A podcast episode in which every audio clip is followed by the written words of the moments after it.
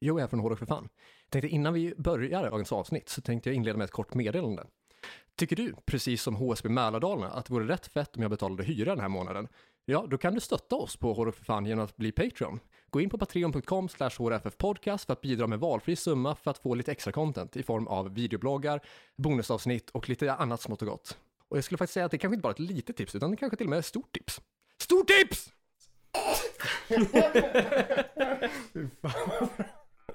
Det där kommer.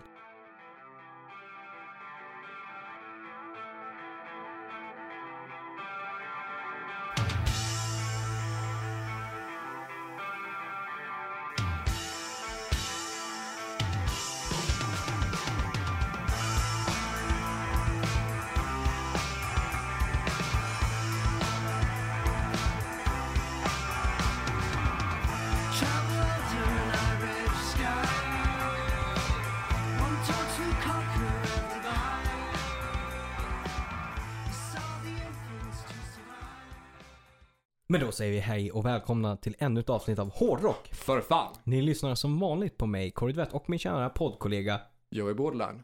Och idag, dagen till ära, även Samuel House. förträffligt. Stämmer bra. Vilken dag vi har framför oss. Eller hur? Vilken dag, vilken dag, vilken dag. Ja, vilken dag vi har bakom oss. Eh, det här är alltså det 81 avsnittet. Det ska stämma. 81 fullängdsavsnittet då. Mm. För er som är Patreon så finns det såklart typ en så drygt 70 bonusavsnitt redan att ta, ta, ta del av. Jajamän. Mm. Mm. Men, ja Sveriges bästa rockpodd. men tack, tack. Näst bästa. Nej, Nej, bästa rockpodd. Bästa rockpodd, eh, bästa musikpodd Ja. och näst bästa kulturpodd enligt Guldpodden 2020. Stämmer det? Ja, fakta som aldrig blir gamla. Men alltså, utöver oss två vanliga poddhosts så har vi Samuel House in the house. Ja, exakt. Hur många gånger har du varit tvungen att lyssna på liknande jämförelser? Uh, ganska mycket, men jag är väldigt stolt över mitt efternamn Ja, Eh, det ska du vara. Jag gillar nice. det. Jag, jag tycker att det är charmigt och det är en bra cling to it. Mm. Eh, så att Samuel House is definitely in the house. Ja, det är ju att konstatera. Men det känns ju också som sånt där som typ eh, snubbar på fest säger och tycker att de är fyndiga. In the house! Mm. Ja, med väldigt långa läten Ja. på olika sätt. House! Ja, lite melodier liksom Ja, till. Ja. Smådryg liksom. Ja. Och vi är ju här idag eh, alla tre för Mm. att Yes. diskutera hur det är att slå igenom som ung. Ja, Mm. stämmer Mm. bra. Men innan vi går in på dagens tema eh, så kanske vi ska ha en kortare presentation av dig. Mm. Vill du berätta vem, vem du är? Absolut. Uh, Samuel House heter jag, som konstaterar. Jag är 31. Jag är musiker, ett geni och komplett galen. Det går ofta hand i hand där. Ja, det är så. Jag bor i Stockholm, har en familj på mamma, pappa och min syster. Jag älskar katter, eh, jag älskar musik, jag älskar konst i alla former. I alla fall, det är jag. Det är du helt enkelt. Mm. Och dessutom så samarbetar ju du och Corey nu. För han är väl manager åt ditt nya band? Stämmer bra. Eh, vi jobbar ju med Astro Garden. Mm. Signade för, vad kan det vara? Kan det vara slu början på juni? Någonstans Ja, i något juni. Ja, ja. Där, eh, och vi känner ju varandra sedan tidigare dessutom. Mm. Via eh, vår, min bror Max Altin. Precis. Vi går, går ju egentligen way back bara att vi egentligen hittar tillbaka vår relation nu för tiden som vuxen. Jag är inte liksom en eh, litet barn längre som var uppvuxen med statistikfilmerna liksom. Utan vi har ju hitt- hittat åt varandra i det kreativa nu för tiden. Och när vi snackar bror Max Altin så Mm. snackar vi inte liksom genetiskt där Nej. utan eh, det är ju... jag vill ett- bara insticka att det är typ min bror också. Ja, exakt. Vare sig han vill eller inte. Vi är släkt utan att vara släkt. Ja. Både du, jag och Max. Ja, alla är bror. Alla är bror. Mm. Och Astro Garden som vi nämnde tidigare som är eh, ditt hjärtebarn och band. Mm. Eh, hörde vi dessutom i introt här. Ja precis, vad var det för låt vi hörde? Nox hörde vi, eller hur? Nox. Precis, från er EP som heter Eh, we are the descendants of monkeys and God. Precis. Mm. Spännande Släpptes- titel. Ja, tack så mycket. Ja, Den släpptes 20, början på 2021, eller hur? Ja, ja, Ja. förmodligen. Ja. Precis. Känns Ja. som att den tilltalar liksom, alltså själva EP-titeln att det är både för evolutionister och de som är emot evolutionen. Att det är liksom descendants of monkeys and God. Precis, det är väl typ Det- där vi står också Ja. tror jag. Det brukar annars vara kanske antingen eller. En Mm. agnostisk liksom, eh, Mm. att man inte vet tror jag. Mm. Eh, Så Det- man ja. väljer båda alternativen. Trevligt med agnosticism, det är inte Ja. svinofta det kommer på tal. Nej. Nej, och det är ganska nice ställe att vara på. Mm. Mm. Det är väl, eh, brist på bättre val, ganska... Eh, det, det är svårt att sätta sig emot agnosticismen på så sätt att oavsett om man är för eller emot eh, religion eller liksom tron på eh, en eller flera gudar, Mm. så agnosticismen för den oinsatte är i korthet då att man då säger att vi vet inte. Nej. Och det är ju ganska så, Ganska ödmjukt. ja, Mm. Ja, och faktiskt. också Mm. rimligt, vilket vi gärna trycker på i podden. Av, den, av, av, av den anledningen att liksom, eh, det är svårt att bevisa att en gud finns, Mm. Eh, rent liksom fysiskt. Mm. Men det är också svårt i och med att det har varit den etablerade världsbilden Mm. i många tusen, eller flera tusen år. Mm. Så är det svårt för den kanske ateistiska sidan då att kanske Mm. motbevisa att ja, men det finns ju inte. För Nej. att det är redan en köpt bild av Mm. hur det är så. Rimligt kan man ju tycka. Ja, men rimligt men- på det sättet att det kanske finns en önskan i att vilja veta mer Precis. och därför kunna säga att we are the descendants Mm. of monkeys and God. Precis. Men samtidigt så vet vi, vet vi inte till hundra och det kan man aldrig veta. Nej. Så vi står där, i, vi står där någonstans och där är vi ganska nöjda. Mm. Liksom. Det var spännande som fan. Men Ja. hur skulle du beskriva Gardens sound då? Alltså Azure Garden är ett ganska nytt band. Mm. Eh, vi har spelat li- lite över ett år. Sådär. Eh, och eh, vi, våran, våran vision eller våran, våran strävan är att ta eh, kärleken till grunge, Mm. grunge-rocken och blanda den med pop. Mm. Och få grunge-pop att komma ihop. Det är en fusion. Ja, en fusion. Mhm. Och få, få det... Ja, få det att komma ihop i harmoni på någon vänster och se vad det händer, vad, Mm. vad som blir utav det. Och det är jävligt svårt. Vi, vi började med att liksom så här, ja men man hittar lite saker där och sen går det över till någon typ av metal-grej och så här. Och så är det ju när man försöker skapa någonting. Att Om man, hittar sitt Lite linje med liksom den här post-grunge-vågen lite grann. Ja men precis. Dels den grejen men också lite mer modernare pop. Mm. Eh, om vi tänker typ Robin och Madonna men Ja. också The Smiths och Ja, sånt. men eh, Madonna som modern pop. Eh, Det är hört- de som har varit med sedan Ja 80-talet. precis, jag har inte hört hennes moderna, modernaste grejer men om Mm. man tänker typ eh, kanske 90-talet. Mm. Vi är väldigt mycket inne på 90-talet. Mm. Om vi, om vi tar typ så här årtionden som estetik för vad Astral Garden är så är det väldigt mycket 90-talet. Ja, precis. Men det är väl typ det. Och eh, ja, det är också på tal om ödmjukt att liksom så här man, har, man vill skapa något nytt och eh, det är behjälpligt att hämta det ifrån två olika existerande Mm. genrer och sen slå ihop dem för att skapa någonting nytt. Precis. Och eh, det är väldigt svårt. Eh, men det går. Mm. Eh, och därför så tror jag att det är väldigt naturligt att man är all over the place i början som vi är mycket. Mm. Och sen någonstans Innan man har liksom pinpointat exakt Ja, precis, var, och man, var får- essensen finns. Mm. Precis, och man får inte en smak där på den låten. Ja, och exakt. Där, eh, tre månader senare där och sen får man bara ha tålamod. Sen kanske det händer. Mm. Får man se. Ja men exakt. Men jag, grunge-pop, det är det som vi letar efter. Ja, nice. Exakt. Mm. jag och Corey har ju bashat grungen lite grann, men också med mm, glimten i i ögat ja. såklart, tidigare i podden. Mm. Så jag tänkte att om, om du skulle berätta lite kort för lyssnarna, vad är det för någonting med grungen som ni i Astral Garden, eller kanske framförallt du, har uppmärksammat och uppskattat? Vad är det i grungen som har liksom slagit an en ton i dig? Alltså jag har alltid älskat rockmusik och sådär. Eh, Mm. sen jag var ung. Och eh, sen när jag träffade den andra sångaren, gitarristen i, i bandet som heter Filip. Som är typ en typ av grunge messiah. Eh, skulle jag kalla honom. Typ en Kurt Cobain Jr. Han älskar grunge. Och när vi blev vänner så var jag ganska deprimerad på det sättet att jag inte hade hittat någon typ av passion och sådär. Jag visste att jag tyckte om musik och jag visste att jag tyckte om rockmusik. Mm. Och han, bara att bli kompis med honom fick mig att börja få upp ögonen för grunge igen. Mm. Mm. Och Man kunde visa hur depressionen kunde bli en livsstil liksom. Ja, precis. Och han- det var mer typ så här, ja, jag får en ny kompis, fan vad nice, jag mår bra av det. Han älskar grunge. Jag älskar rockmusik. Och jag vet att jag gillar grunge. Och för att jag tycker om honom så mycket så börjar jag nu upptäcka grunge. Mm. Och sen sp- spinna vidare på det blev det mer att vi blev så här, ja men grunge, det är det vi ska koncentrera oss på.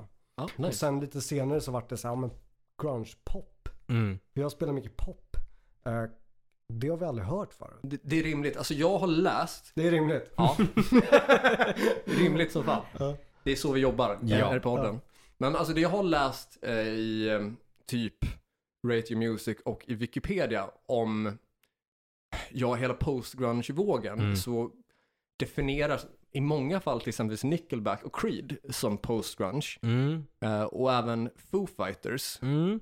Jo men det kan Foo jag köpa. Fighters köper jag att det är ju väldigt, att det, det ser man det väldigt tydligt ändå för att, alltså Ja. dels så var då första plattan är typ från 95 Exakt. och det är en snabb övergång, eller snabb övergång, men alltså det är ju ändå en övergång där från Dave Grohl, Ja.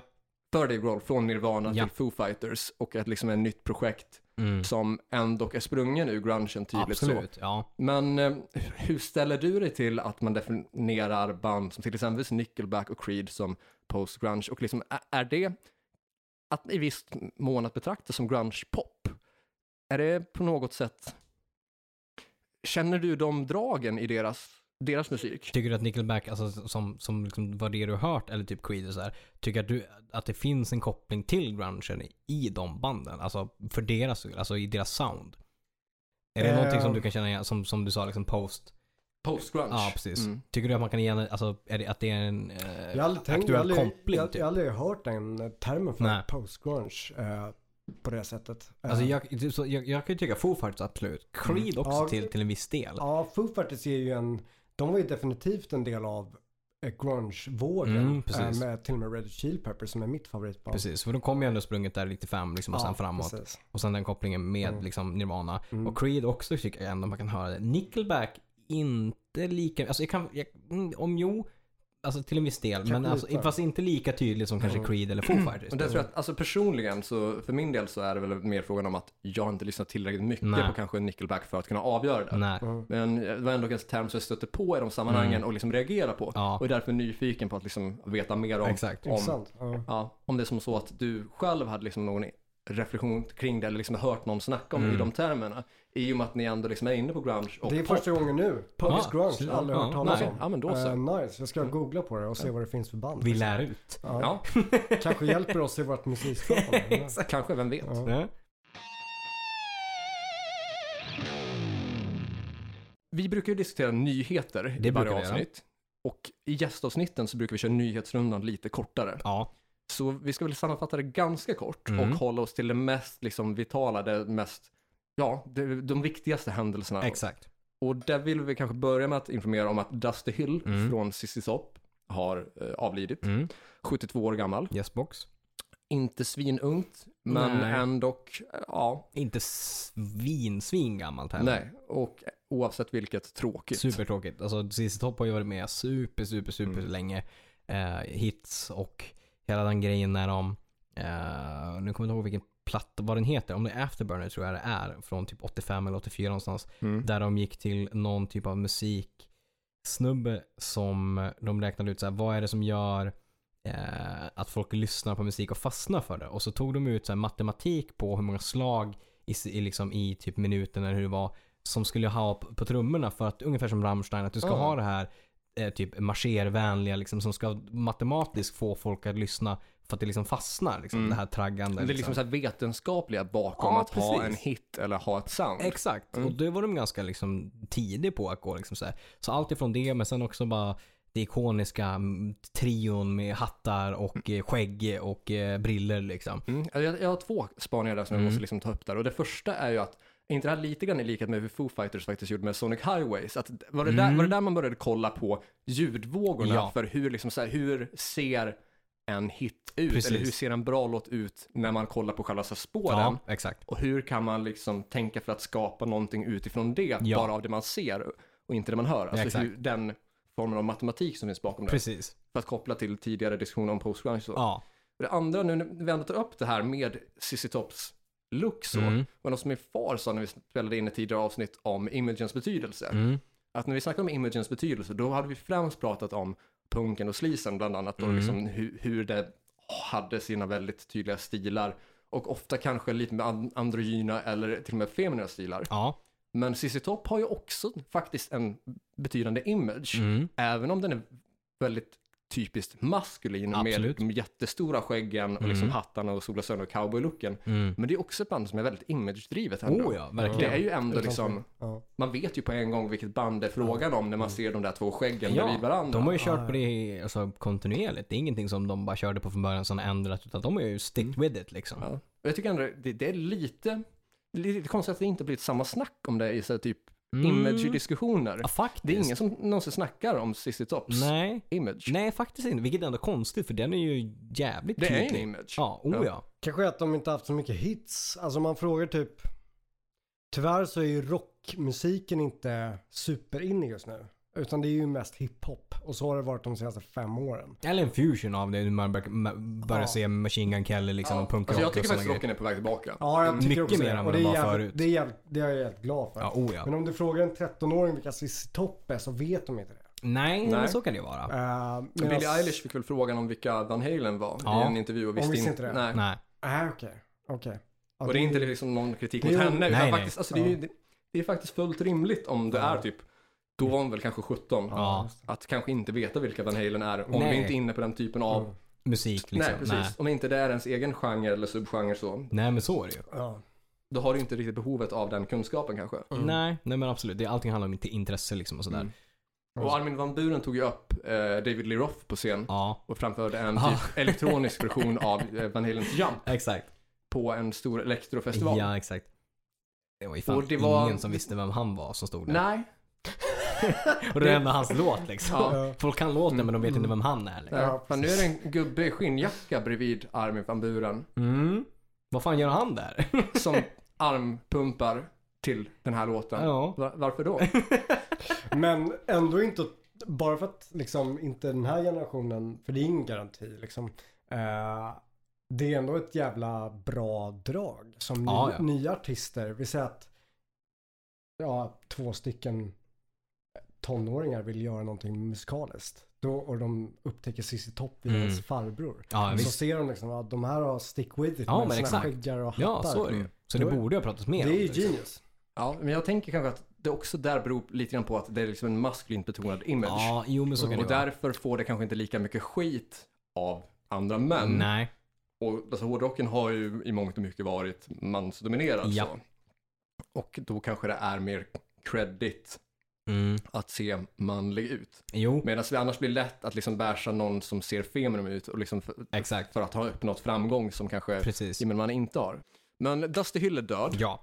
Tråkigt, men så Mm. är det. Cissi Topp går vidare. Japp. Show must go on var Hans sista sms till dem. Ja. Så det är på hans förfrågan. ja, och vet ni inte vem Dusty Hill är så är det en av de skäggiga bröderna. Det är alltså inte trummisen som heter Beard, Nej. utan det är en av de två Precis som spelar. Ja, exakt. Så gitarristen och trummisen är fortfarande kvar. Ja. Mm. Vem som tar basplatsen är inte klart i dagsläget va? jag tror inte att de kommer ta någon eh, officiell utan jag tror att de, någon session eller Ja, någonting någon live. sånt. Live-person bara. Mm. Ja. Kanske någon annan med skägg. Kanske någon annan med Vad skägg. sjukt om de väljer någon som inte har skägg. Och sen så Mm. väljer den eh, kvarvarande brodern att raka sitt skägg. Ja, då jävlar. byter image helt. Då blir det fan eld i kvarnarna tänkte jag säga. Det, det, Då det får blir, Rasmus en diagnos. exakt. säg att de tar in typ Slash på bas. ja, exakt. Mm. Och gitarristen och trummisen skaffar liknande hattar. Ja, exakt. De byter helt. Alla har top hats. Samma röd tråd men bara byter helt. Sissi top hats. exakt.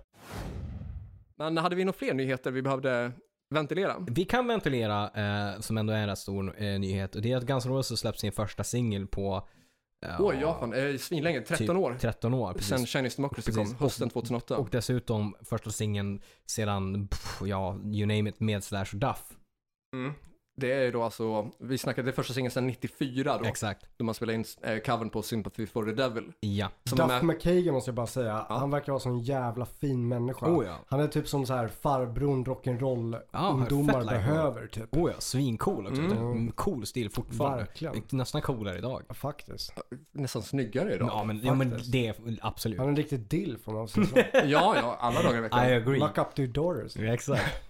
Och Um, då är han ändå, vadå, 55? 55 någonstans där ja. Ja. ja. men eh, och har ju varit nykter i typ så här, mm, vadå, 15 år nästan.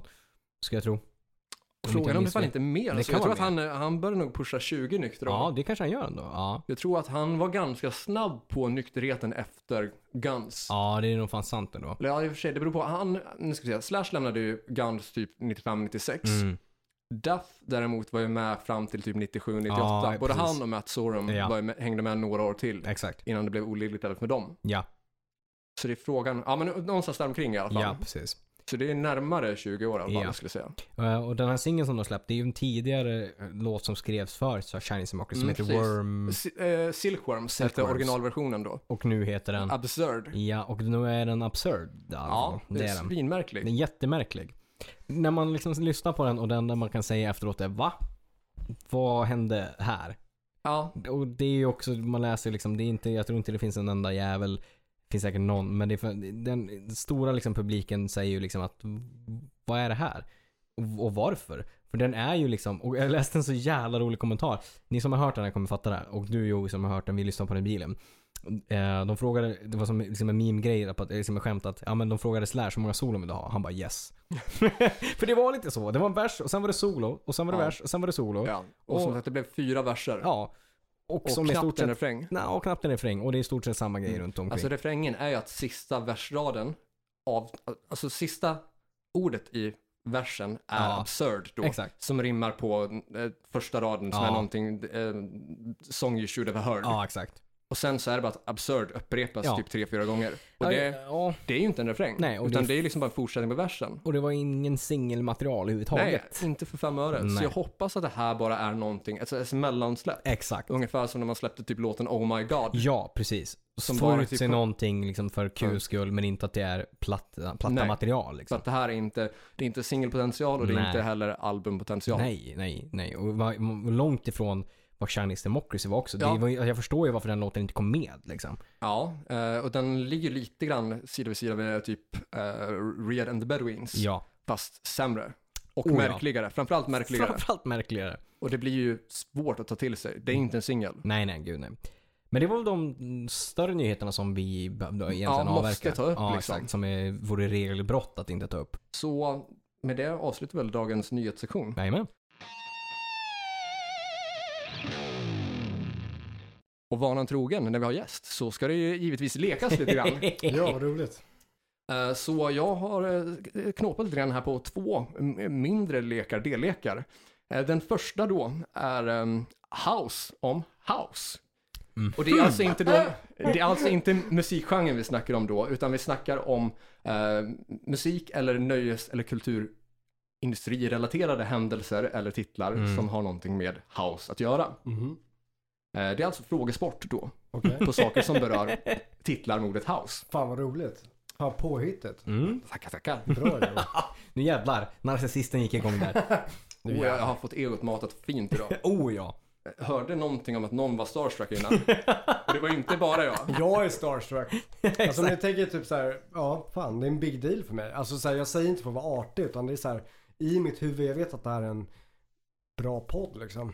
Men i mitt huvud så är det så här, jag älskar podden. Mm. Och jag har gått runt där jag bor och bara så här hårdrock för fan. Det är fina ord. Och så är jag här, det är fan ascoolt. Okej, nu räcker det med mata Joe Ja, okej.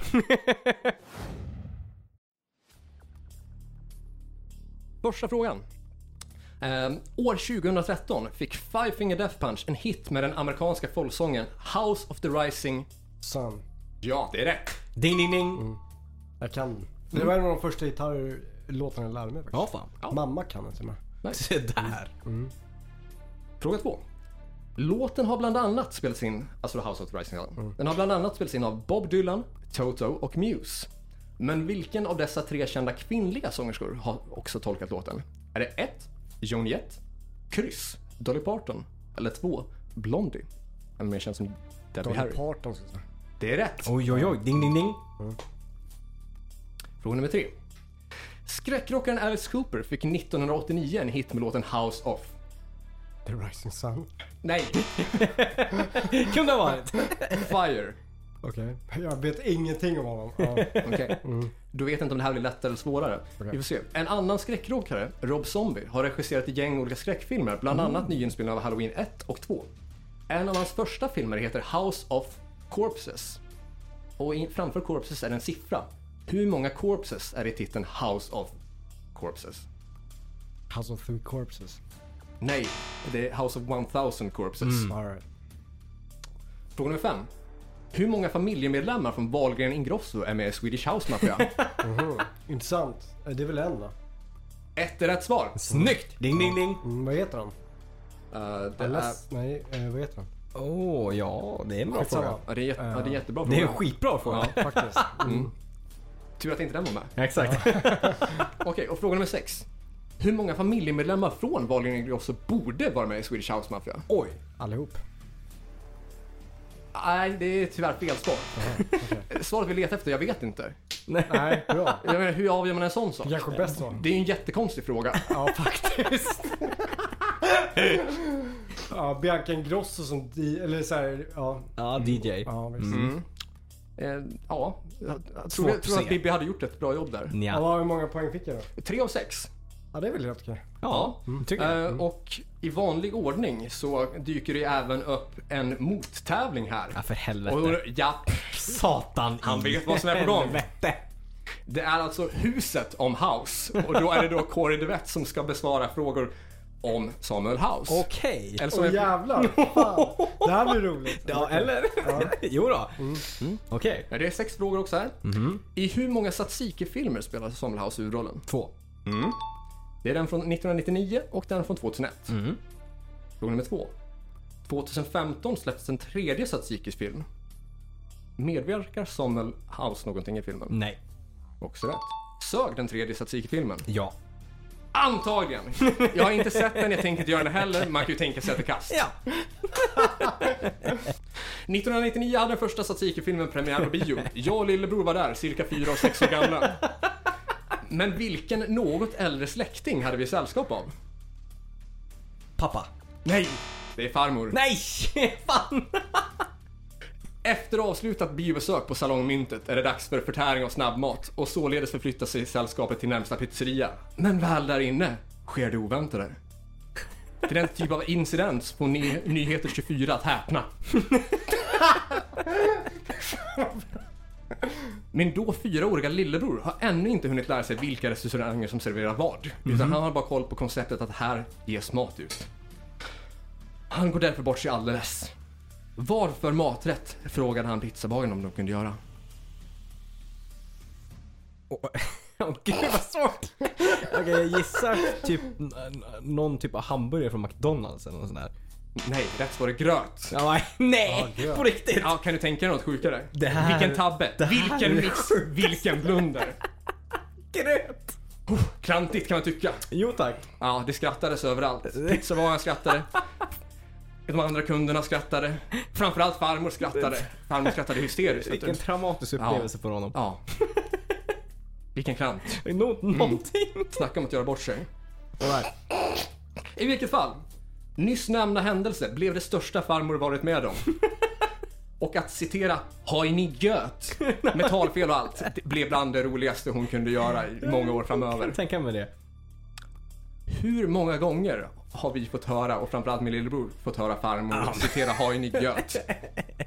Oändliga gånger. Det är ju rätt! Yes! Svin många gånger är rätt! Hur många rätt hade jag där då? Fyra av sex rätt. Det är inte fy skam. Bra Nej. där. Tack, tack, tack. Tajt tävlat från bägge sidor. Faktiskt. Bra tävlat. Då tänker ju ni som är nya lyssnare här att, men eh, det var väl ett tag sedan de där frågorna slutade handla om Samuel House? Ja. Ja, och det är ju mycket riktigt där. Ni som har varit med sedan förr känner ju till att de här frågesporterna går i, mångt och mycket ut på att gästen är lite av ett redskap för att jag Exakt. själv ska kunna få berätta någonting som jag har varit med om. Exakt. det är sen gammalt. Det är sedan gammalt. Ja, men väldigt, nu ska jag smeka ditt ego igen och säga det där, det där var bland de roligaste frågorna du har ställt eh, på väldigt, väldigt Får länge. jag fråga Joey, bara så här ren nyfikenhet som gäst. När, kom, när skrev du de här grejerna? Ehm, I uh, förrgår, typ natt, natt mellan förrgår och igår. Och det gick ganska snabbt va? Ja, Ja. det tar tid att, att få ner det på mobilen. Men eh, Du har dem i huvudet. ja, Ja, det är jävligt kul faktiskt. tack. Mm. Vi hör en stand-up rutin komma. Ja, faktiskt. lite så faktiskt. Ja. Ja.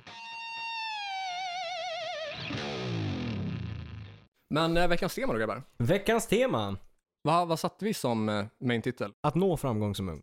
Och det har ni ju bägge två då Ja, men precis. eh, erfarenhet av. Absolut. Men vi kanske ska inleda med att snacka lite grann om gästen där i frågan. ja, fullt rimligt. Eh, Samuel House drog ju för oss två igenom, Mm. alltså jag, mig och då, eh, Mm. genom som Satsiki Ja. i de två filmerna från 99 och 2001. Mhm.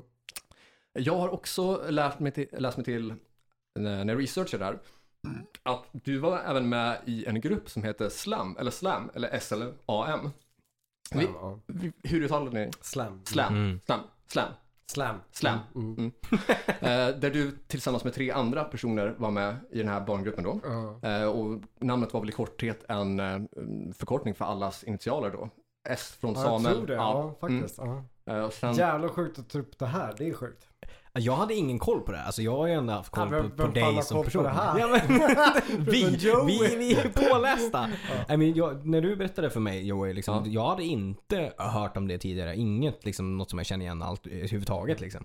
eh, jag hade inte heller hört om det för typ kanske en Nej, vecka sedan. precis. Eller kanske två veckor sedan. Mm. Det är sant, vi vann en Grammis. Ja, Ni vann det ni vann den också. Ja. Ja. Jag läste Fan. bara att ni var Den Nominerad. information jag fick fram var att ni var nominerade till en Grammis för å, bästa barn. Mm. Eller bästa barnskiva. Ja. Vi vann den. Ja. Om jag minns det rätt. Ja. Annars är jag helt ute och cyklar. Men jag är typ nästan helt hundra på att vi gjorde det faktiskt. Det var inte så här typ eh, barnsportgrej att alla fick pokal. Nej, utan det var Grammisgalan. Ja. liksom. Ja. Ja, fan vad sjukt. Ja. Men att de nominerade kanske fick i alla fall med tanke på att det är ändå Grammis för barn. Man kan ju, Exakt. även om det är Grammisgalan kan man ju ha lite liksom så här human syn och sätt till att fan, nu, nu Du tävlar var med och tävlade så du Ja, får en, nu, pris. Nu tävlar så här, tioåringar om vem som är bäst i musik, eller 10-11-åringar. Ska vi verkligen liksom så här, sätta den här pressen på det att ni förlorade? I, och, och sända i tv typ. ja. Ja. Eh, men Förmodligen inte. Nej. nej, men eh, ni, ni, ni fick, Ja, jag tror, alltså, eh, jag kan inte skriva under på det. Nej. Men jag är typ 90% säker på att vi vann en Grammis. Mm. På grund av den grejen. Ja. Mm. Och eh, det har jag inte jag tänkt på på 20 år. Nej, vad Så det var sjukt. kul att du tog upp det. Ja. ja. Ja, men det är en kul historia. folk hörde det här först. Ja, det gjorde de fan i mig. Eh, Så du har ju som väldigt ung haft en framgångsrik karriär både inom film och musik ändå, måste man säga. Även om du kanske idag inte spelar själva slam-materialet med Astlegarden, Astrogarden plockar in det. eller om det ens har kommit på tal, men eh, det fanns ju ändå där, alltså prisbelönt Det är, musik det är inte vid den åldern. Det var 2001 Mm. Ja. och då var du 11 Ja. och då hade du dessutom redan gjort dina två eh, första stora filmer. Mm. Ja. ja, det är ju ganska sjukt om man ser på eller om man tänker på det. Mm. Liksom. Det har jag inte Mm. tänkt på överhuvudtaget. Liksom. Eh, jag kommer inte ihåg alls någonting om det. Eh, jag, tror, jag tror att det var så att jag sa i någon intervju eh, att jag gärna vill hålla på med musik. Typ. Alltså när du var då Ja, liksom, var efter filmerna liksom. Under tzatziki-grejen. Mm. Eh, och sådär. Och då var det någon som kontaktade bara om vi ska göra barnskiva, lalla. ja, just det. Ja. Uh, jag vet inte vad jag ska säga om det. Alltså, det är typ, det är typ som så här, var du på ett kollo när du var åtta år och gjorde en bakåtvolt en gång? Mm. Bara, och fick eh, badda den. Ja, ja, kanske. Typ. Det kan hända. Sådana här med, med, medaljer som man, en annan fick när man Ja, var i den precis. åldern liksom. Ja. Mm. Mm. Mycket baddaren, Ja. mycket Alltså koka visst, kaffe. coolt att få en grabb. Coolt att det hände. eh, men det hade varit jävligt mycket coolare nu. Ja, under en Grammis i vuxen ålder menar Jag vet inte om jag kan Ja, en se riktig. Grammis. En riktig Ja, Grammis, inte precis. bara ett pr- participate Snälla, snälla. Grammis.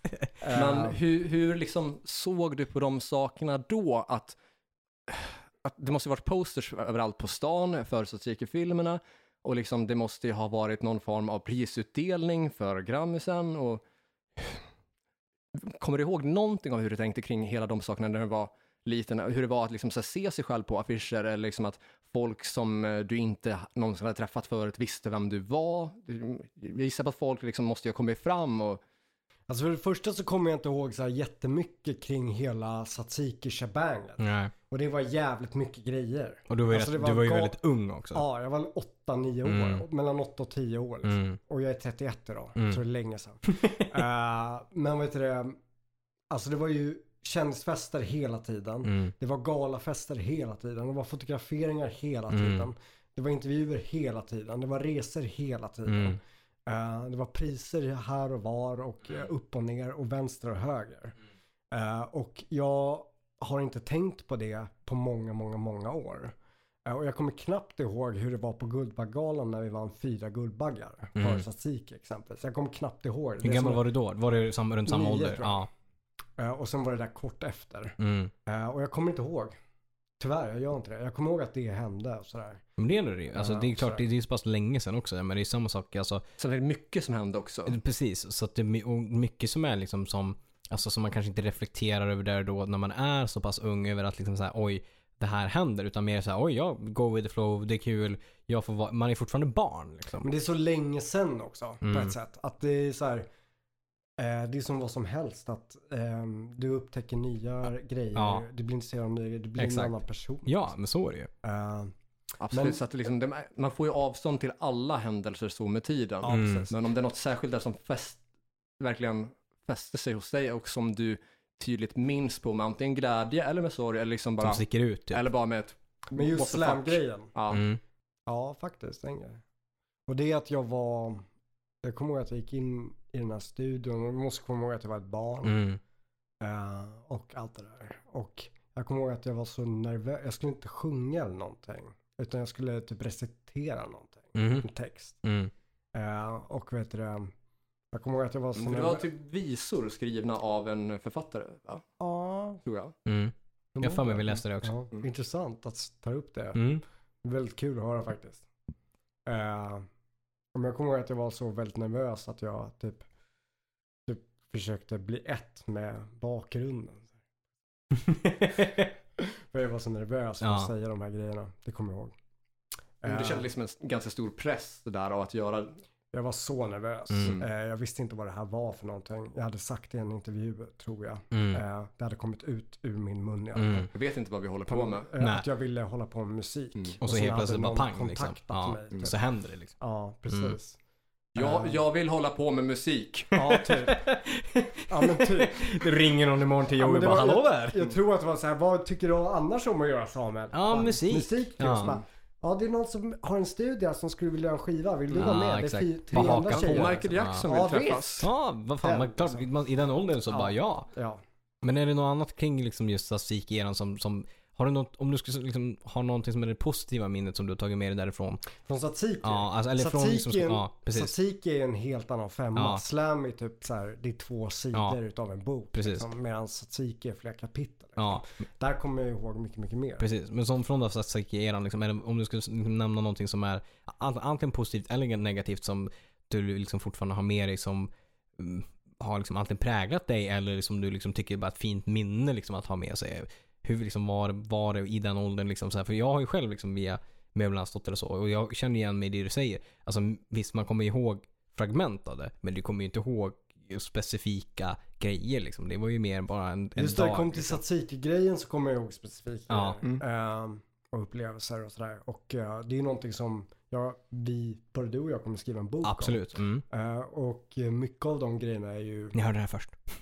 väldigt unika saker. Mm. Älskar att gå på röda mattan. Mm. Uh, känner mig hemma där. Mm. Eh, Var det uppmärksamheten eller vad var det kring? Jag är en person som älskar uppmärksamhet. Ja. Eh, Det är nog ganska återkommande för många inom showbiz överlag. Ja, Ja. kreativitet liksom. Ja. Och det är någonting som man kanske tycker är patetiskt. Men jag har lärt mig att det är bara så jag funkar. Mm. Att om inte jag jag är som en hund på något Mm. sätt. Jag behöver uppmärksamhet för att må bra. Ja. Jag behöver bli sedd. Inte Mm. så här, kanske inte direkt så här. Se titta mig, på mig, se Nej, mig. Utan vill- typ viljan jag, att bli jag omtyckt. Uppmärksammas Ja, liksom. Ja. Precis. Att, ja, Det är en sak, att, med ja, det är en sak Ja. att synas och det är en sak att bli omtyckt. liksom. Så är det absolut. precis. Det är Eh, skilda saker. Mm. Det är skillnad. Ja, hela den biten utav mitt liv har ju varit den röda tråden Mm. utav mitt liv. Att det har varit väldigt extrema polariteter när det kommer till väldigt extrema positiva saker men också väldigt mycket negativa Mm. saker. Och eh, så var även det. Och eh, det var så jag fick växa upp som barn och det är nog väldigt annorlunda. Mm, jo men absolut. Mm. Det finns ju många, alltså om man ska titta på det liksom typ så här historiskt. Så är det ju, jag tänker om man ska göra liksom en koppling, det finns ju, alltså både i musik och i film så är det ju många som har slagit igenom som ung.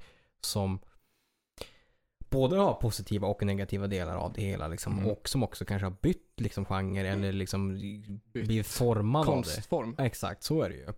Ja, alltså både han som var med i Goonies men som också var med i Fredagen 13 och som också hade, eh, inte Mark Harkin men andra snubben Som också var med i hela den här Michael Jackson, umgicks med Michael Jackson-grejen. Ja. Jag kommer ju aldrig ihåg på vad han, vad han heter, men han har ju också bytt så här helt upp musik. Sen är, den, den är ganska spacad. Alltså om jag visar Ja. klippet för dig så vet du vad jag menar. Right. Väldigt, väldigt känd skådis som har uttalat sig både i dokumentären om Michael Jackson. Jag tror vi har pratat om honom tidigare i podden. Ja, när vi har diskuterat Living Neverland. Ja, precis. Han som liksom han som, han som vi tog upp som han som skulle bara uttala sig om Marilyn Manson. Ja, precis. Ja, ja, ja. I samband med uh, Manson-skandalerna Exakt, där. bara för att slänga Mm. ur sig någonting. Ja, men jag Ja. också, typ så här. Ja, den snubben som kände som att, ah, fast du eh, ska inte riktigt med på det här tåget. Exakt, han. Det här är inte, det här är inte din Nej. skandal. Precis. Han i alla fall, han gick ju från skådespelare till nu vill hålla på med musik liksom så här. Så det är ändå många som kan byta liksom, alltså jag tror är man kreativ så kan man både vara liksom i skådespelarfacket eller konstnär eller musik och det är inte alltid det behöver vara liksom den här röda, eller den, följer man en väg så behöver man inte alltid följa den vägen utan man kan ändå vara kreativt lagd att lägga sig liksom att, i olika fack typ så här. Yes. Eh, och jag ska bara briefa den nya lyssnaren att det är alltså de största skandalerna part 1 vi snackar om Precis. här. Eh, där Marilyn Manson var, eh, inte åtalad för än i alla fall, Nej. men det precis hade kommit ut då via sociala medier att tidigare partners Mm. eller tidigare typ groupies och eller liknande eh, kvinnor hade Mm. uttalat sig om att eh, Marilyn Manson utsatt dem för olika typ Det var intressant läsning faktiskt. Mm, psykosexuella. Mm. typ situationer som de inte riktigt var fullt med på. Nej, nej men precis. Eh, och ja, de tyckte att han på olika sätt hade begått antingen ofredanden och eller typ ja, terroriseranden. ja, Mentalt främst kanske. ja men exakt. Och på de sätt som han hade behandlat dem i olika Ja. situationer. Så. Ja, Eh, så det är alltså det som vi snackar om nu. precis. Och det var en stund efter det som en eh, manlig eh, före detta Mm, barnskådis då hade kommit ut och uttalat sig om att eh, Marilyn Manson hade tagit med honom på en fest 98. Mm, exakt. 98, så då snackar man om att den här personen då som han har tagit med Ja. är alltså fullvuxen person. Det är inte längre en barnskådespelare om han var med i Goonies. För Yes. Goonies är typ, typ 86. Ja, exakt. Jag kan ha fel, men Ja. typ däromkring. Ja. Så säg då att personen är i så fall född kanske typ 79-80, Mm. kanske till och med längre bak. Så Mm. 98 så är det frågan om en 20-årig man då, Ja, exakt. som Manson har tagit med sig på en fest. Mm. Ehm, och den här mannen då eh, pratar i sina eh, liksom så här, attacker mot Mm. Manson att han tog med honom som någon slags eh, typ, ja men typ lite så här trophy friend som Precis. han gärna ville visa upp och hur m- mycket uppmärksamhet som skulle handla kring honom och Exakt. han hade typ fått en puss på kinden eller något sånt där av Manson eller något. Fan det är inte Goonies som jag tänker på. Det är, han, det är den med River Phoenix. När de är barnen med fyra stycken som går på en Stand rail. by me. Det är den jag Mm. tänker på precis. Det Där det där är filmer och filmstjärnor Mm. som jag hoppas kommer få någon typ av revival. Ja men exakt. För att alltså det är så här, det finns något otroligt värde i det. Mm. Alltså River Phoenix Mm. ehm, är typ kanske som han basisten i uh, Sex Pistols Mm. eller någonting. Att det är så här, det är sånt jävla, det är sån jävla kvalitet. Alltså, Oh måste- ja. Jag hoppas att det kommer tillbaka. Mm. Att typ så här, de återupptäcker honom. Mm. Jag skulle säga på tal om basister och eh, på tal om River Phoenix, har ni sett det där klippet då eh, Red Hot Chili Peppers basisten Flea sitter och lär typ eh, River Phoenix hur man släpar bas? Ja, ja, ja. Är det så? Ja, Ja, fan. Det är riktigt bra. Och de sitter liksom bägge två i olika versioner av narkotikarus. Den ena som typ aldrig har spelat bas ska få lära sig av en liksom så här, Någon som är- exakt, ja. top quality Exakt. bassist hur man spelar Så här gör slapbas. Okej. Mm. Absolut. Bara följ mig. Ja. Mm. Så det är ett klipp man kan spana in. Det är ju definitivt ett litet tips. Lite tips. Lite tips. Så gå in på YouTube och sök på typ Flea River Jamming. Mm. 1990. Yes. Så får ni se det. Grymt. Eh, och jag tror också att Flea, eller jag menar River, eh, Phoenix då, var med i Red Hot Chili Peppers-videon till låten Breaking the Girl. Uh, videon tror jag kom 92 medan plattan är väl från 91 där, den Blood Sugar Sex Magic. Så det kan man också kolla in om man så, så, så, vill. sjukt bra. Oh ja. Bara min personliga åsikt. um, Breaking the Girl, uh, hela Blood Sugar, John Frusciante. Uh, make that guy godlike man. Det var väl typ uh, Red Hot Chili Peppers stora genombrott, den plattan, eller? Ja, så är det. Ja. Absolut. Uh, och sen kom Californication. Uh, Mm, just det. Som är en, Ja, det är brutalt bra. en av de bästa skivorna. Sen kom By the Way. Som är också något så otroligt. Och sen kom Stadium Arcadium och bla bla. Jag ska inte, ja det här är en rock, hårdrock för fan. Men vi har snackat en del om Red Hot Chili Peppers förut och då framförallt ur det här perspektivet att eh, vi tänker ju Red Hot Chili Peppers som ett band som typ kanske breakar någon gång mellan 90-2000. Mm.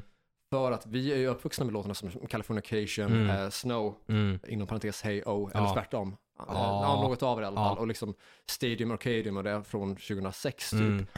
Eh, Så vi har, har ju tänkt att det är ett band som breakade någonstans, typ kanske sent 90-tal, Ja. tidigt 2000-tal. Mm. Men eh, det är ju en grupp som vi konstaterat bildades samtidigt som Bon Jovi. Ja, ja, visst. Så Red Hot Chili Peppers har varit med sedan 83. Ja, de håller på det Och jävligt det länge. tänker man liksom inte att det är samma ålder Nej, på nej. Bon Jovi som Red Hot Chili Peppers. Nej, så är det. det så? Ja, visst. Ja. Eh, Men eh, i vilket fall River Phoenix då med det här klippet Mm. tillsammans med Flea Mm. och också då i musikvideon till Breaking the Girl. Mm. Mm. Det gick ju lite sådär för River Phoenix. Jag gjorde ju tyvärr det. Kan man säga, eller Mm. Med betoning på sådär. Han, han dog ju i ung, Ja. ung ålder, han var bara 23 år gammal Mm. när han eh, överdoserade på speedballs. Det är vid, väldigt eh, ungt. Det är väldigt, väldigt ungt. 23 år. Mm. Ja. Shocking. Det är ingen ålder liksom. Faktiskt. Mm. Eh, och då överdoserade vid The Viper Room i Mm. LA då, det är klubben som ägs av Johnny Depp. Ja. Gjorde då, görs fortfarande. Johnny Depp var inte där när jag var där. Nej. Mäkta besvikelse. Men jag hade inte förväntat mig att han skulle vara där heller. Nej. Eh, I vilket fall då, så River Phoenix är ett så praktexempel Mm. på barnkändis där Mm. det kanske inte har gått så svinbra Nej. med tiden. Liksom, eller Nej. att den här framgången som han nådde som ung kanske bidrog till mindre trevliga upplevelser. Mm, mm. För du som var inne på kändisfesterna, att de var ju redan i samband med Tsatsiki. Mm. Och jag misstänker att det li- under liknande tillställningar som River Phoenix introduceras för både alkohol och narkotikaklassade Ja, preparat. Mm. Med största sannolikhet då. Mm. Och jag tänker där, nu ska vi se, vad, vad heter hon, um, rödhårig tjej, Drew, Drew Barrymore, Ja, som Drew var med Barrymore. i eh, Stephen Kings Firestarter. Ja, precis. Mm. Eh, hon började ju dricka alkohol när hon var typ nio Ja. och började röka gräs när hon var typ tio. Ja. Vet inte om hon gick över på kokain också, vilket jag tror och har för mig att jag läst nu. Så nu, nu Mm. lämnar jag det öppet där, men jag har för mig att jag läste att det, det kom in när hon var typ kanske 11-12 Mm, i mm. bilden. Men att liksom så pass tidigt börja med alkohol Jo. och gräs och liksom liknande när det är 9-10 år. Det är ju det är på tok för ungt. Absolut. Oavsett om eh, du som individ tycker att man bör bruka Mm. alkohol eller cannabis eller liknande så Mm. Är nog ganska övertygad om att alla är överens om att det är för ung ålder. Absolut. Så är det. Oavsett om man är för där. Ja. Mm. Eh, och jag har ju sett i en av mina gamla psykologiböcker att det finns en festbild på Drew Barrymore där hon sitter tillsammans med Steven Pierce, sångaren från Rat. Ja, just det. Ja. Eh, det står inte exakt vad som försiggår på bilden eller var den är tagen eller varför så. Nej. Men det jag tro, tror att de sitter med varsin drink. Mm. Absolut. Steven Pierce har, har åtminstone en drink. Ja, ja. 100 procent. Och det, det, alltså med all rätt, han Ja, var ja. säkert 20-25 så. Ja, ja. Och det är ingenting i bilden som säger att de skulle haft en olämplig rela- relation Nej, på nej, något nej. sätt. Men det är kanske olämpligt att hon är på samma fest Ja. som Steven Piercy i den åldern. Absolut. The Rat är ju ändå ett band som vi känner igen, eh, eller förknippar med hårt festande. Det är Absolut. 80-talsband, liksom, eh, the high point of sleaze. Oh ja.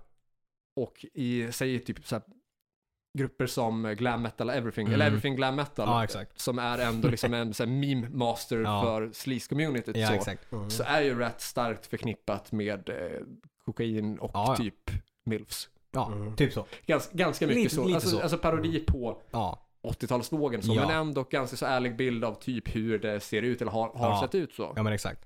Eh, och du har väl, är det basisten i Rat Mm. som faktiskt avled, någonting Crosby, Robin Crosby? Uh, gitarristen. Är det gitarristen? Mm. Ja. Han avled väl till följd av typ aids eller någonting. Ja, det, på exakt. grund av någon form av liksom så här, eh, smitta som var Ja. genomdelande av nålar Precis. på grund av sitt heroinmissbruk. Jajamän. Så det är ju ändå ett band som vi förknippar med hårt Gud, ja. och liksom mer än Ja, hårt festande. absolut. Alltså fatalt eh, missbruk och Ja, ja. beroende. Verkligen. Så det här med liksom att nå framgång Mm. som ung är kanske inte bara positivt om det är de kretsar man befinner sig i eller de Ja, föremålen man ställs inför. Ja, ja men exakt. Det, så, så- alltså, det finns ju många olika fall liksom, där det varit så, liksom, alltså, allt från musikindustri, liksom, med till exempel Michael Jackson, liksom, i så ung ålder liksom, och i den liksom, Ja, konstellation han var ju jätteliten när Jackson 5 breakade. Verkligen. Kan, vad kan, kan han ha varit? 5-6 år typ? Ja, Mm. någonstans där. Mm. alltså, han var ju yngst av Jackson. Ja. Exakt. Eh, till skådespelare som typ eh, eh, Macaulay Culkin. Macaulay Culkin. Eh, Ja.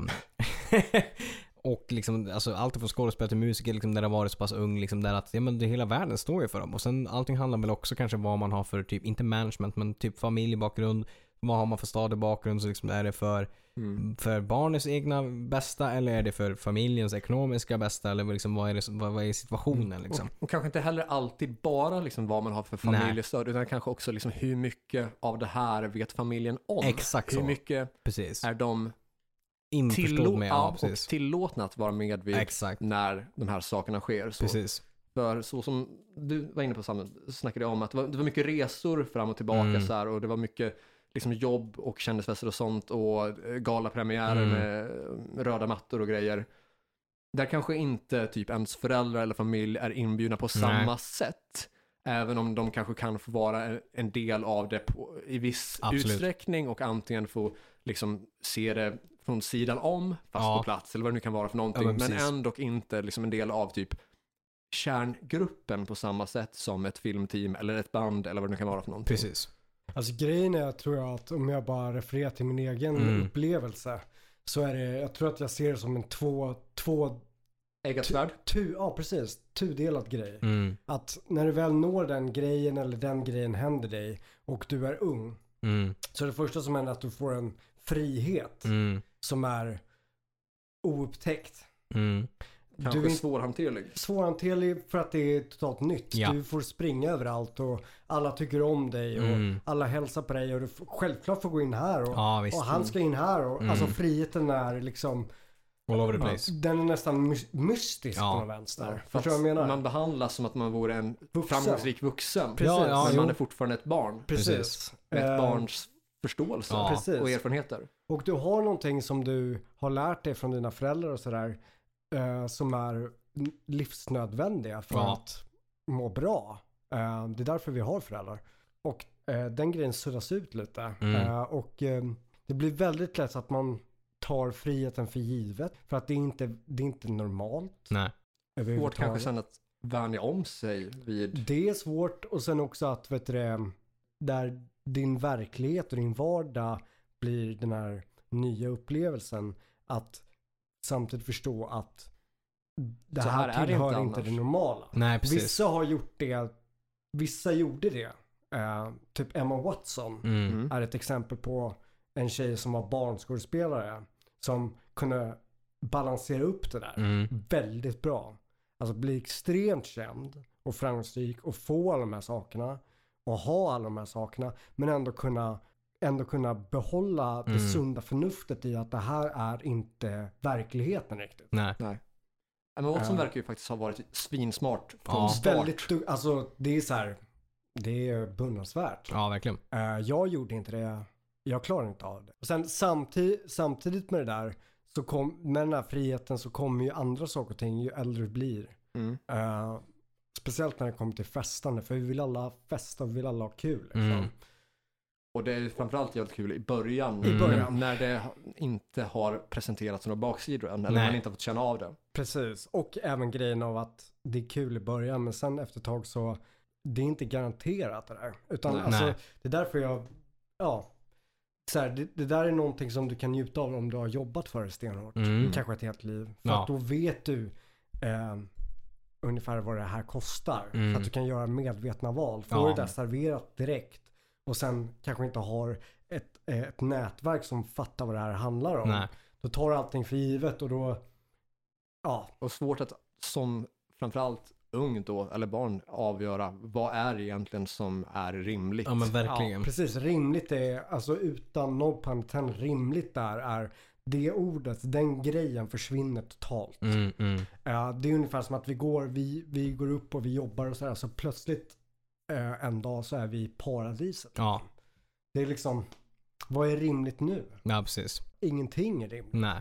Eh, och sen kastas du tillbaka till verkligheten. Ja, mm. Så kan det vara, liksom, Mm. som i mitt fall. Då. Det är en svår situation. Mm. Minns du något Mm. tydligt sånt exempel på när du som liten hade svårt att typ acceptera någonting eller svårt att förstå eller liksom så här sätta in i, men varför är det så här nu? Där du förväntar dig andra friheter eller andra förmåner eller andra liksom förutsättningar än vad som presenterades när du kanske kom tillbaka till ett normalt liv så att säga. Eller ett vanligt barnliv så. För mig var ju det en väldigt jobbig grej. Ehm, för att jag var så liten, jag hade inte mycket minnen från hur det var innan. Mm. Jag hade några få minnen. eh, hur det var att inte vara känd. Um, så här toddlerminnen. Mm. Alltså jag kommer ihåg typ att jag fick gå och handla mjölk en gång eh, själv. Och, så och att jag var ute och spelade på fotbollsplanen och sådär. Det är de minnen jag hade. Sen var jag känd. Mm. Det är typ det jag minns. Ja. Eh, och då var jag känd. Riktigt känd. Så det var min verklighet helt upp och ner i princip. Mm. Eh, och sen när det gradvis plockades bort. Det var en jävligt jobbig upplevelse. För det var så här. Det var som att någon plockade bort typ min verklighet. Mm. Helt plötsligt. Och en sån grej är svår att hantera även i vuxen ålder när Skit. saker förändras. Ja, gud ja. verkligen. Eh, jättejobbigt. Jättesvårt. Och sen hitta sig själv i det. Jo. Eh, och make sense of it. Och sen även forma sin egen person i det. Mm. För att du var den personen. Precis. Kan du pinpointa ett specifikt exempel på när det blev jobbigt? Alltså en, en enda händelse eller ett minne där du bara, men varför är det så här? Det första som jag kommer till sinnes, eller till mitt minne är att ehm, vi var på semester en gång, typ så här femman, sexan någon gång i snackar Serbien. med, med din familj då? Ja, med en polare. Jag var och Mm. hälsade på hans släkt och Ja. jag följde med. Så här. Mm. Och, Och, eh, föräldrarna det tog inte fram kokain? var... Precis. Mina föräldrar har aldrig tagit kokain. Som tur är kanske. ja. Men i alla fall. Ja, jag kommer ihåg att, att jag var på den här semestern och ingen kände igen mig. Mm. För att jag var utomlands. Mm, mm, mm. Ah. Eh, och jag kommer ihåg hur, hur konstigt det var för, för det första. Mm. Att ingen kände igen mig. eh, och hur jobbigt det var. Mm. Att jag inte fick den här grejen, inte bekräftelsen, utan jag fick inte det som var hemma för mig. Nej. Nej. Att liksom, hemma för mig var att om jag går på stan och är på väg till skolan Så kommer Då folk känner att känna folk igen igen mig. Mm. Mm. och folk är, ler mot mig. Mm. Och folk tycker att det är kul. Vissa skrattar, Mm. många vill vara mina komp. Och det, är, Mm. det här är min värld. Ja. Folk blir glada bara av din, eh, din närvaro, Ja. oavsett om det är att Ja. umgås eller bara råka Ja, se dig. så. Ja, så blir folk liksom lite... Ja. Ja. Och jag kommer ihåg att jag fick ångest för det. Mm. Att det så här, jag måste hem. Jag mår Mm. skitdåligt. Mm. Det, det, det är det första. Och sen när jag Mm. väl kom hem så, huh, äntligen hemma. Ja. Hemma igen. Mm. Mm. Påminnelsen om att ja, här är saker så Ja. som det brukar vara Så här, fortfarande. så här är det. Mm. Men där borta så var det... Så var det inte så. Nej, nej. Och sen, sen sakta men säkert så plockas det bort du vet. Och jag är glad att det skedde väldigt, att det skedde gradvis. Mm. Ja, Uh, och för inte på det samma varit gång för liksom. jobbigt, liksom. Ja. Mm. Men du pratade lite grann om det här att hitta dig själv. Mm. Hur gick den processen till? Eh, phew, det är ju en lång process. Stor fråga och stor process. Och det är ju en process som man som alltid kommer pågå. Mm. Mm. Eh, Ja, jo, alltså det, det, så är det väl för alla att Mm. det, det är en livslång resa. Absolut. mm. Men finns det några särskilda nyckelord för dig personligen som har varit viktiga i det här sökandet? Det är en jävligt svår fråga. Ehm, men några nyckelord som jag har gett mig själv eh, är väl typ dröm, ge inte upp, stå för det goda och det kärleksfulla och alltså bli inte monstret som finns i dig utan Mm. hantera det Mm. på något vänster. Om vi ska prata i de termerna liksom Mm. att även när det gör så jävla ont så att du blir knäpp så står fort, står fortfarande kvar då. Mm. Och även om jag blir knäpp så ger jag inte upp på att jag fortfarande är människa liksom. Och människan i grunden för mig är att vara en god person, Ja. en kärleksfull person. Det är det mina, det är mina, det är det som är människa för mig. Mm. Uh, även om jag ser hur det liksom, vill komma åt mig på den vänster. Mm. Jag, jag, ger, jag ger inte upp och blir korrupt på det sättet.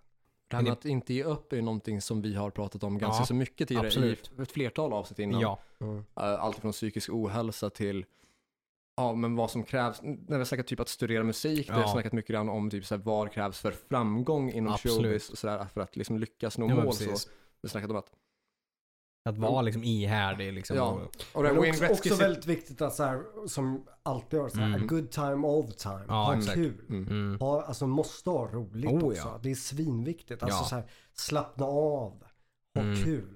Alltså skitsamma om det inte är kul nu. Ha kul ändå. Ha Mm. kul. Ja, gud ja. Men det kan ju bli för mycket av det goda också. Mm. Självklart. Så men balans, liksom så här, det är jävligt Men det måste finnas ett kul. nöje någonstans i det Ja. hela. Mm. Absolut. Annars Som får vara målet för Ja, aktiviteter. Precis. Mm.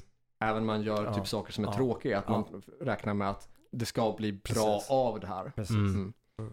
Eh, Jag tänker vi har snackat om Wayne Gretzky-citatet innan, typ att eh, något i stil med att du missar alla skott du inte tar. eller Ja, alla skott du absolut. inte skjuter. Så är det ju. Det är ju lite grann av den ihärdigheten Mm. som vi ändå pratar om Ja. här med att inte ge upp. Nej. Och man måste ju försöka hela tiden. Mm. Mm. För att om man inte försöker så kommer du ju aldrig Nej, men då, då, Lyckats. då har du inte provat. Hur ska Nej. du veta om du ens kommer lyckas Precis. liksom?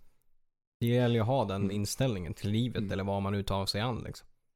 Och jag är så här, alltså så här, även in the face of adversity, då Mm. har jag sagt till mig själv, så även om jag liksom så här känner mig helt jävla sjuk i huvudet, Mm. mm. då har jag använt det som en typ av en nyckel. Mm. Alltså lite så här a fool's game. Mm. Men det, det finns ett värde i det. Jag bara så här, a good time all the time. Ja. Du vet. Jag älskar att ha kul, jag, Mm. jag ska ha kul, I don't Mm. give a shit. Nej. Det finns ett värde i det, så att man inte blir för jävla seriös. Nej, nej visst.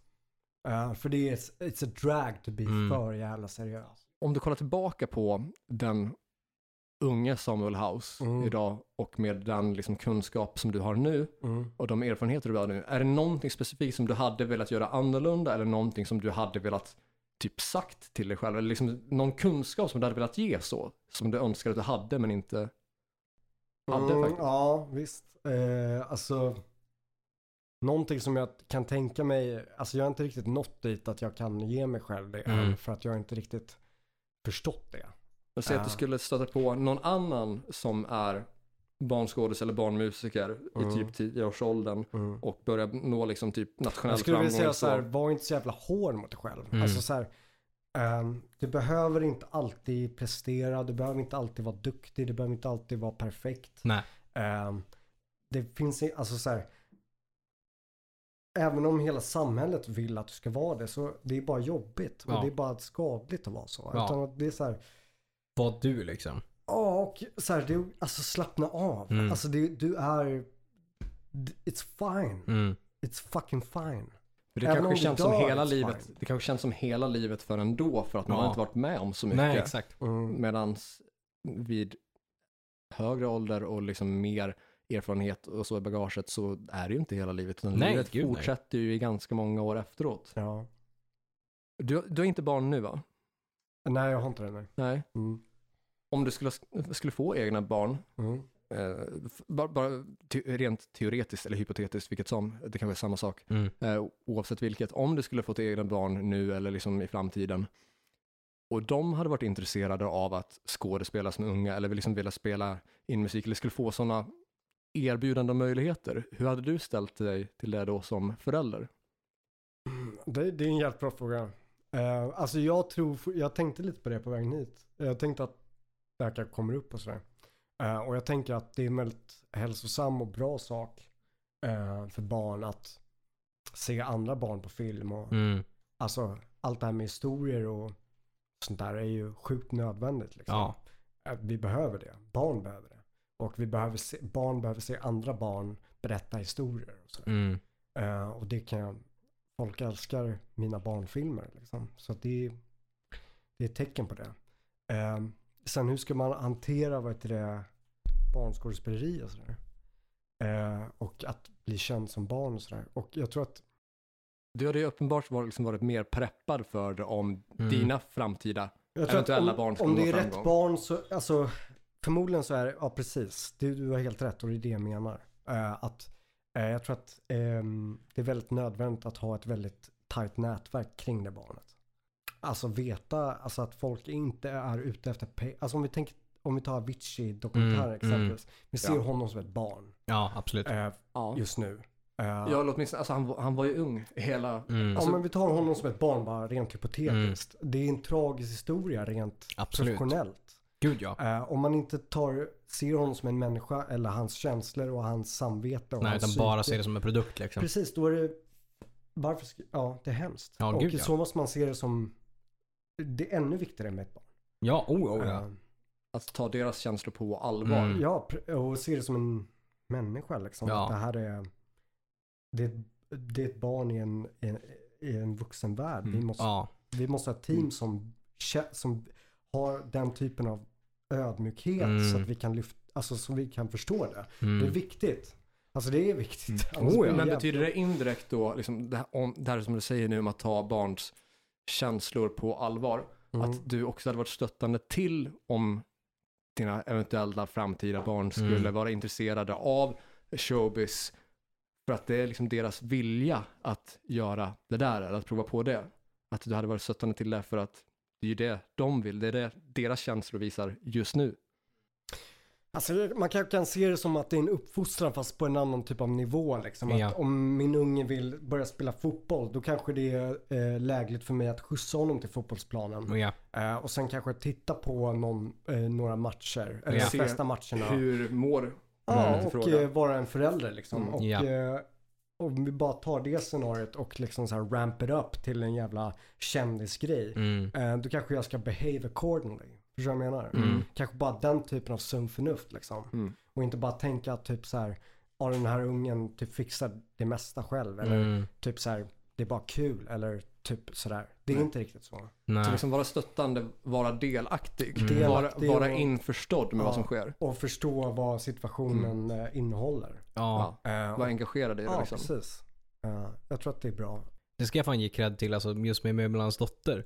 Där var det både liksom John Olsson som var regissör var jätte, jätteduktig på att vara medveten om att det inte ska bli, ett, liksom att inte se ett barn som är vuxen utan se det som ett barn och alla de behoven runt omkring som att till exempel pappa, mamma kunde vara ledig eftersom att hon inte hade en jobb men pappa jobbade. Ja men se till att flyga upp pappa varje helg upp till Luleå när vi spelar in där. Mm. Maggan Altin ska också ha cred för det som alltså Peter Yngens liksom. Eh, för som har jobbat så mycket med film och med barn. Att, Skulle någon missat så snackar vi nu alltså om ditt barnskådespeleri Precis, i Möbelhandlarns dotter. Precis.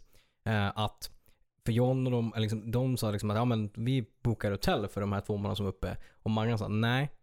Ni löser det som en första början. Sen så får ni se till att hyra en lägenhet för att få den här med stabiliteten att liksom till Rasmus inte ska bli van med hela det här hotelllivet och du vet så här, och det är ganska kallt liksom, alltså om man säger inte kallt i liksom värme eller kallt utan mer sterilt. sterilt hotell, exakt. Det är väldigt, eh, det är extremt eh, klokt. Exakt, och det, det ska de ha liksom all Mm. cred för. Att, Ja. för att inte, inte för att det ska liksom, du vet, så här stiga runt huvudet utan mer att det ska vara en normal tillvaro när man inte är på jobbet Ja, ungefär. precis. Och det är fint. Ja, väldigt fint. Det är, det är fan en fin tanke och det är också väldigt viktigt det här. Ja. Mm. Nu ska jag skohorna in mig själv på det här. Eh, jag har inte alls liksom så här haft barnframgångsupplevelsen. Uh, närmsta där var att vara med på lokal-tv någon gång för, för att en grannes syster gick media en gång i tiden. Eh, så det är inte alls samma sak. Men det, det jag tänkte på nu var exempel från vuxen ålder. Mm. Eh, Det var för, för några år sedan. Vi har ju pratat om tidigare eh, i det avsnittet där Erik Modin var med och vi snackade Mm. om eh, återinspelningar och Ja. en av frågorna som han fick då eh, under frågestunden om blev det bättre Ja. var när jag tog upp att jag hade blivit uppsagd typ så åtta gånger av samma ja, företag det. Mm. gång på gång med så nytt kontrakt på, ja. Ja. men vi förlänger en månad, vi Mm. förlänger två månader, vi Mm. förlänger en månad, vi förlänger två månader. Och Ja. sen liksom var, varje gång så var det det här att, ja men vi tänker att vi, vi kastar om ditt schema lite grann, så du gör eh, 20% i Västerås och sen 40% i Enköping, så tänker vi 40% Solna. Ja. Och sen till nästa gång bara, ja men vi får nog stryka Västerås, så tänker vi att vi kör nog kanske 40% i Nacka och sen Mm. 60% i Solna. Precis. Och sen liksom så här hela tiden så här nya grejer Ja. och på slutet där när, när Nacka var, skulle bli huvudfokus bara Ja men eh, vi vet att det är typ två timmar för det att åka enkel väg, så vi, men vi har eh, övernattningslägenhet i Precis. sam, eh, liksom anslutning till kontoret. Ja. Det finns liksom eh, bäddsoffa och tv och dusch och kök och sånt där. Och man till slut där känner att, Mm. vänta, nu är det här hela mitt liv. Exakt. Om, om jag tar, om jag fortsätter så här så Mm. kommer det vara det enda som är jag. Ja, Det kommer inte finnas något annat kvar. Nej, det kommer inte finnas det där som var det personliga och Nej. det som var mig kvar Exakt. innan. Och det är, ju, det, det, det är den känslan jag, jag får att du snackar om när Precis. du snackar om möbelhandelns dotter Ja. av det här att nej, det går inte att bo på hotell. Liksom så här. Det, det är inte hållbart. Nej. Mm. Framför allt inte som liten. Nej, precis. Och det var ju mycket liksom så. Och dessutom liksom är liksom se till att inte tappa skolan och allting sånt liksom runt omkring. Att ändå liksom få studierna och liksom allting runt omkring och liksom att kunna ha en familjär liksom, lägenhetsmiljö liksom och Mm. sådana saker. Liksom att inte vara den som att det blir det sterila och det är bara jobbet och det är fortfarande på jobbet utan ändå göra det man ska göra i liksom skådespeleriet och i scenen och sen få komma hem till familjen. Och framförallt komma hem till familjen, inte vara själv och inte bara jag och mamma utan ha jag, Mm. mamma och pappa. Mm. För att det är så det alltid har varit. Så Att man inte har liksom den. film och tv-teamet blir ens nya Nej. familj på något sätt. Precis liksom. Och även om det är liksom Och det, det händer lite mig tror jag. Ja, precis. Mm. Och liksom, även om det kan bli det så tror jag att, i min del tror jag att det var väldigt, väldigt viktigt att liksom Mm. ha den liksom stabiliteten och att Maggan var med liksom dessutom. Alltså mycket familiar faces Mm. liksom. Att det inte var helt nya människor liksom. Mm. För Maggan var ju liksom casting, eh, men hade liksom med, med kläder och, och liksom garderob och castingen liksom. Så det var ju också liksom en familjär miljö och familjära människor som hade runt omkring sig. Och en stabilitet liksom. Som gjorde att man inte varken tappade huvudet och inte heller kände sig lost typ. Mm. Så det, det, det är ändå något fint som jag tagit med mig av. Skål för Maggan. Ja, verkligen. Mm. Skål för Maggan. Shoutout till Maggan. Ja, Klok. 100%. Klok.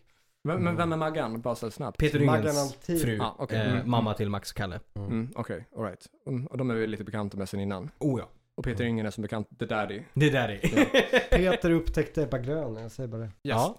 Det har vi snackat gång på gång om Ja. här i podden. Det är Mm, det har återkommit av och till sen avsnitt fem. Det var första gången jag hade gäster med French Dogs.